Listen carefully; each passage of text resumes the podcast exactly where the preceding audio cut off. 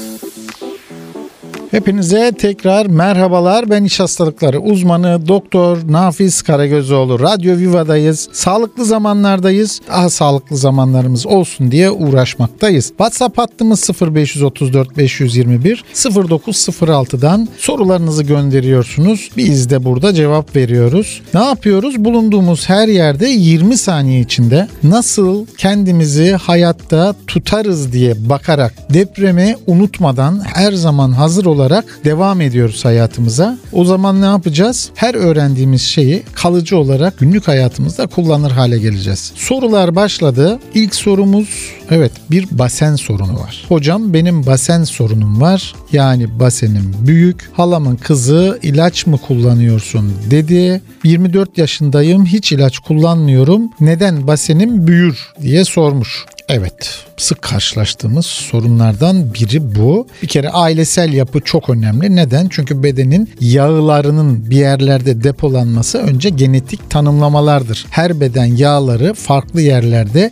depolar. Bazı beden iç organlarının üstüne yağlarını depolar. Bazı beden göbeğe, bazı beden değil mi basenlere. Hatta kadınlar ve erkekler açısından da elma tipi, armut tipi yağlanma gibi farklı tarifler bile var. Bu yağın depolanması konusunda. Ama önemli olan şu. Sizin yağınız nerede depolanıyor? O zaman ne yapıyoruz? Bakıyoruz bu fazla yağ neden var? Düşük şeker kiloyu arttırır. Bununla ilgili olabilir. Hareketimiz az olabilir. Stres olabilir. Hormonlar çeşitli hastalıklar yaparak kiloyu arttırır ve artan kilolar basenlerde büyüme yapabilir. Beslenme tarzınız, şekliniz, mesleğiniz bütün bunların hepsi yağınızın basenlerde fazla birikmesine neden olabilir. Bu nedenle size ait tespiti aslında yapmamız lazım. Bütün soruların temelinde verdiğimiz cevap gibi size özel sebebi de bulmalıyız. Ne yapıyoruz? Tiroid hormonları, prolaktin bütün bunlar gözden geçirilecek. Adet düzeniniz dahil ne durumda ki biz daha fazla bilgi çıkartıp daha hedefe odaklı tetkikler yapmamız gerekecek. Yediğiniz içtiğiniz şeylerin içinde örnek veriyorum iştah arttırıcılar varsa değil mi bunları da gözden geçireceğiz. Şeker ve şekerlerden her zamanki gibi sakının diyeceğiz. Bunu Bununla beraber özellikle günlük hayatta dikkat etmediğimiz çok önemli bir nokta var. Paraben içeren kozmetik ürünleri de hormonların salınımını değiştirebiliyor. Bedende östrojen benzeri aktiviteler üretebiliyor. Bunların kendisi de ekstra kilo almamıza neden olabiliyor. Ne yapıyorsun? Üzülmüyorsun. Hemen bir iç hastalıklar uzmanına muayene oluyorsun. Takibini başlatıyorsun. Doktor Nafiz'le sağlıklı zamanlar bir soru daha var. Yaşım 34, İstanbulluyum, elektrik tesisatı tamircisiyim. Bizim cihaz elektriği erken bitiriyor diyebilirim. Gençliğimde yakışıklıydım diye hanım dışarı mı kaçıyorsun diyordu. Töbe yok öyle bir şey. Erkenden bitiyorum diye günahımı alıyor. İlaç kullandım alerji yaptı. Başka çaresi yok mu? Mesela sebze filan ne yemeliyim? Evet e, erken boşalma ana sorunlarından biridir cinsel sorunların. Çok sık rastlanır. Özellikle stresle ilgilidir. Yaklaşık %70'ten fazlası kişilerin stres kaynaklı bu sorunu yaşar. Aynı zamanda tabii tek kişilik bir süreç değildir cinsel ilişki. Bunun için eşlerin birbirleriyle ilgili durumları da süreci olumsuz etkiler. Bu kaygıyı bir kere önce düzeltmemiz lazım. Özellikle eşinizle arasınızdaki bu şüphe ve güvensizlik sizin ve onun motivasyonunu değiştirir. Bunu aşmalıyız. Kendine güvenmelisin. Eşinle de konuyu paylaşmalısın. Dünü de unutmalısın. Yarın için de odaklanmalısın. Meslek tabii tehlikeli. Kafada böyle şeyler varken dalgınlık, huzursuzluk, e, iş kazaları da yaratabilir. Bunu sakın unutma. Şimdi e, yine bu konuyla ilgili özellikle dolaşımla ilgili tespitler yapmamız lazım. Hormonlarla ilgili tetkikler yapılması lazım. E, bunun dışında senin soruna aslında cevap verecek olursak çünkü bu çok büyük bir konu aslında. İşte sarımsak, yeşil soğan, bamya, bakla, zencefil, karanfil, çörek otu, havuç, badem, fındık yerseniz diye reklamı vardı hatırlarsanız. Ceviz, melisa mutlaka sofrada bulunsun. Bu konuyla ilgili destekleyici sebzeler ve gıda maddeleridir diyoruz. Tekrarları için podcastleri takip edin diyoruz. Haydi hayırlısı bakalım. Doktor Nafiz'le Sağlıklı Zamanlar Radyo Viva'da Twitter, Instagram, Facebook'tan et Radyo Viva yazarak ulaşabilirsiniz. Benle ilgili de Instagram'da et Nafiz Karagözoğlu yazıp sorularınızı iletebilirsiniz. Yine böyle bir Instagram sorumuzla devam edeceğim. Kızımın adet düzeni ile ilgili sorunu var hocam. 14 yaşında yeni adet görmeye başladı. İlk anından itibaren baş ağrısız adeti yok. Benim adetlerimde de öyle bir şey yoktu. Özellikle sınav zamanı etkileniyor. Bu adetle mi ilgili? Evet, dikkatli bir anne kızıyla da ilgileniyor. Çok güzel de bir tespit yapmış. Kendine benzerliği sorgulamış. Biz bunu hemen sorarız çünkü annelerimize. Sizin adetiniz nasıl? Annenizin adet düzeni nasıl gibi kişisel farklılıklarla beraber bir de potansiyel aynılıkları da sorgularız. Özellikle kız çocuklarında adet kanamaları ne yapıyor? Demir eksikliklerine neden olabiliyor ki bu baş ağrısı yapabilir çünkü kansızlığa sebep olur. Bunun dışında B12 folik asit gibi vitamin eksiklikleri aynı şekilde anemi süreci sonrası baş ağrısı yapabilir. Ee, yine aynı şekilde tansiyon değişiklikleri, kan şeker değişiklikleri baş ağrısına sebep olabilir. Mutlaka ve mutlaka görmesiyle ilgili bir değerlendirme yapmalıyız. Özellikle halsizlik, bitkinlik, yorgunluk, sınav dönemi diyorsunuz. Yüksek gerilim, başta prolaktin hormonunun değişkenliğini sağlayarak olumsuz yansımalar katabilir. Bu nedenle yapacağımız tetkikler mutlaka kan sayımı, demir demir bağlama, feritin, B vitamini, D vitamini, folik asit vitamini, tiroid hormon testleriyle beraber ilk adımda bize başvuran hastalarımızda tetkiklerle yaptığımız e, araştırmalar olacaktır. E, bunları mutlaka tamamlayın. Yine stres yönetimini eğer düzene sokmaz iseniz hormonlar ruhtur, ruhlar hormondur bunu unutmayın. Olumsuz etkileyişler doğal seyreden e, beden çalışmalarını da bozar. Bu nedenle de özellikle sınavın bir şey olduğunu ama her şey olmadığını da mutlaka anlatın. Telafisi olan her şeyi değil mi bu kadar gerilimle de atlatmayalım. Doktor Nafiz'le sağlıklı zamanlar bir korona sorusuyla devam ediyor değil mi? Covid hayatımıza girdi. Hep vardı aslında 1963 tanımlıdır aslında korona virüsünün fark edilişi. E, bu ailenin 5 üyesinin 4'ü günlük hayatta nezle tipi sorunlar çıkartır ama e, bu 2019'daki varyant dediğimiz 5. ailenin 5. üyesinin değişikliği bütün dünyayı kavurdu biliyoruz ve e, e, birçok şeyi değiştirdi ve hala tabii ki korona var ve olacak ve oluyoruz. Yine aynı şekilde hastamız bunu sormuş. Nafiz hocam amca oğlum korona oldu. Ozon yaptırsa geçer mi? Koronada ozon işe yarar mı? Çok güzel bir soru. Ta korona dünyada başladı ve bizde başlamadan evvel yaptığımız bilgilendirmelerden biriydi. Koronada özellikle ozon tedavisi. Öncesinde de ozon ile korona başta olmak üzere antiviral aktivitelerin arttırılması, bağışıklık sistemin güçlendirilmesi önemli. Daha önce 2002'de ve 12'deki SARS ve MERS salgın salgınlarında ozon önemli bir tedavi olarak bu hastalıkların durdurulmasında kullanılmıştı. Çin de 2019'daki bu süreçte Wuhan'da yaptığı o tedavi sürecinde ozon tedavisini kullandığını açıklamıştı. Dolayısıyla ozon tedavisinin bağışıklığı güçlendirdiği biliniyor. Özellikle viral aktiviteler başta olmak üzere bakteri, mantar, parazitlerde de bağışıklığı güçlendirdiği biliniyor. Korona da işe evet yarıyor çünkü korona korona zarflı bir virüs. Bu zarf yırtıldığında içindeki canlılığın e, kaynağı olan bu genetik yapıda yaşam şansını kaybediyor. Bu nedenle varyasyonun ne olduğundan bağımsız bir şekilde ozon tedavisi e, viral hastalıklarda ne anlatmıştık biz size mesela? Hepatit C virüsünde kullanılıyor. AIDS'in tedavisinde kullanılıyor. Zonada yani bu büyük beden uçuğu diye anlattığımız zonada da viral enfeksiyon tedavisi olarak ozon uluslararası olarak kullanılan bir metot. Bu yüzden günlük hayata burun içi ozon uygulaması, ozon aşısı uygulaması da dahil olmak üzere e, mutlaka yerini almalı ozon tedavisi diyoruz.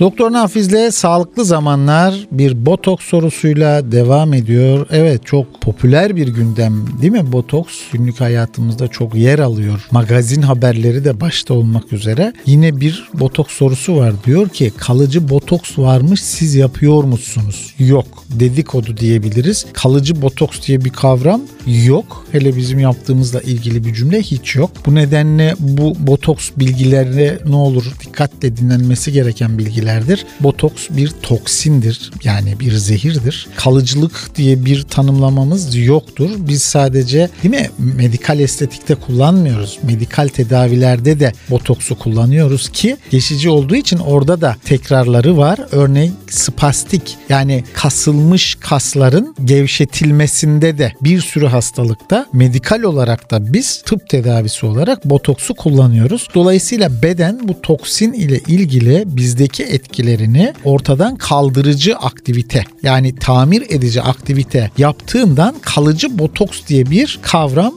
yok. Tekrar söylüyorum kalıcı botoks yapıyorum diyen biri var mı? Ben duymadım. Çünkü tıbben mümkün değil. Eğer var ise değil mi bu doktorların fotoğraflarını filan alıp internetlerde çeşitli sağlık satış sayfaları hazırlayan tiplerin yaptığı uydurma, üç kağıt, dalavere sayfalar olabilir. Böyle şeyler olursa bu konuda tabii ki mutlaka emniyet güçlerini, Sağlık Bakanlığı'nı bilgilendirin ve bu boş vaatlere, tehlikeli vaatlere sakın ha sakın kanmayın. Evet Doktor Nafiz Karagözoğlu ile sağlıklı zamanlar bir oğul sorusuyla devam ediyor. Babam kalp krizi geçirdi şimdi iyi bana bir şey olmaz diyor. Babama bir şey olur mu ben ne yapayım? Tabii kalp krizi bizim hayati hastalıklarımızdan biridir. Ne mutlu yaşam devam ediyor. Ancak kolay unutan bir canlı türü insan. Sizden ricam babanıza hep o günleri hatırlatın. Onun öncesinde yaptıkları öyle bir sonuç doğurdu. Aynılarını yaparsa aynı aynı sonuçlar doğar. Yani bir arabayı işte 60 kilometreyle duvara çarptığınızda tamirciden çıktıktan sonra aynı 60 kilometreyle çarptığınızda gene bozulacaktır. Tabii ki öncekinden de daha kötü bozulacaktır. Bu nedenle kalp krizi geçirmiş sebeplerini bulalım. Tıkayıcı damar yapan beslenme, stres yönetimi, genetik yapı, sigara gibi süreçlerini düzene sokması lazım. Varsa mesleki riskleri bunları düzene sokması lazım. Aynı şekilde devam eden edemez. Mutlaka ilaçlarını düzenli kullanması lazım. Kalp içeride dolayısıyla iç hastalığı eğer kırık bir ayağı olsa ve ters kaynamış olsa idi değil mi o ayağa baktıkça hatırlardı ama kalbini aynaya baktığında kimse göremiyor damarım tıkanmış diye. Biz hatırlatacağız unutmayacağız tekrarlamasın istiyoruz. Sen de aynı genetiğe sahipsin. Eğer aynı riskleri yaşıyor isen örnek sigara içiyorsan kilon varsa hareketsizsen değil mi burada özellikle tükettiğiniz su kaynaklarını da gözden geçirin. Bu unutuluyor. İçtiğiniz suyun kalitesi damar tıkayıcı niteliklerimizi arttırabilir. Stres yönetimi ve uyku kalitesine ne olur dikkat edin. Hatta mümkünse bir efor testi yapın, tansiyonunuzu ölçün, ritminizi takip edin. E, ki siz de aynı risklere sahipseniz başınıza bir şey gelmeden tedavileri yapın. Ozon tedavisinin de damar açıcı özelliğini de mutlaka hatırlatmamız lazım. Annesine bak, kızını al, babasına bak değil mi? Hastalığını mı? Görelim, yap tahlillerini konuşalım. Doktor Nafiz'le sağlıklı zamanlar sağlığımızın hep kalıcı olması için soframıza müdahale etmeye devam ediyor. Yok yok müdahale değil menüyü açıklıyoruz aslında. Şefiz ya klinik şefiyiz biz de. O zaman ne yapıyoruz? Menüde ne var diyoruz. Çörek otu var. Özellikle de çörek otu yağı var. Sağlıklı kalmak isteyenlerin sofradan ayırmayacakları en önemli gıda unsurlarından biri. Çörek otu her derde deva olarak biliniyor ya. Kesinlikle teyitliyoruz. Her derde deva diye tüketilebilir. Mutlaka sofranızda tuzluk var değil mi? Karabiberlik var değil mi? Bu klasik yaklaşımlarımız. Bir tane daha koyun ona da çörek otluk deyin. Tuzluk, biberlik, çörek otluk. Çörek otunun kendisini olabildikçe sık tüketmek için sebep bulun. Salatalara koyun, çorbalara koyun. Çok sağlığa zararlı diye anlatılan o poğaçalarımız var ya yok onu çok ve yoğun tüketmediğiniz müddetçe çörek otu çok yakışır poğaçalara. Mutlaka yanında yoğurt, kefir, peynir,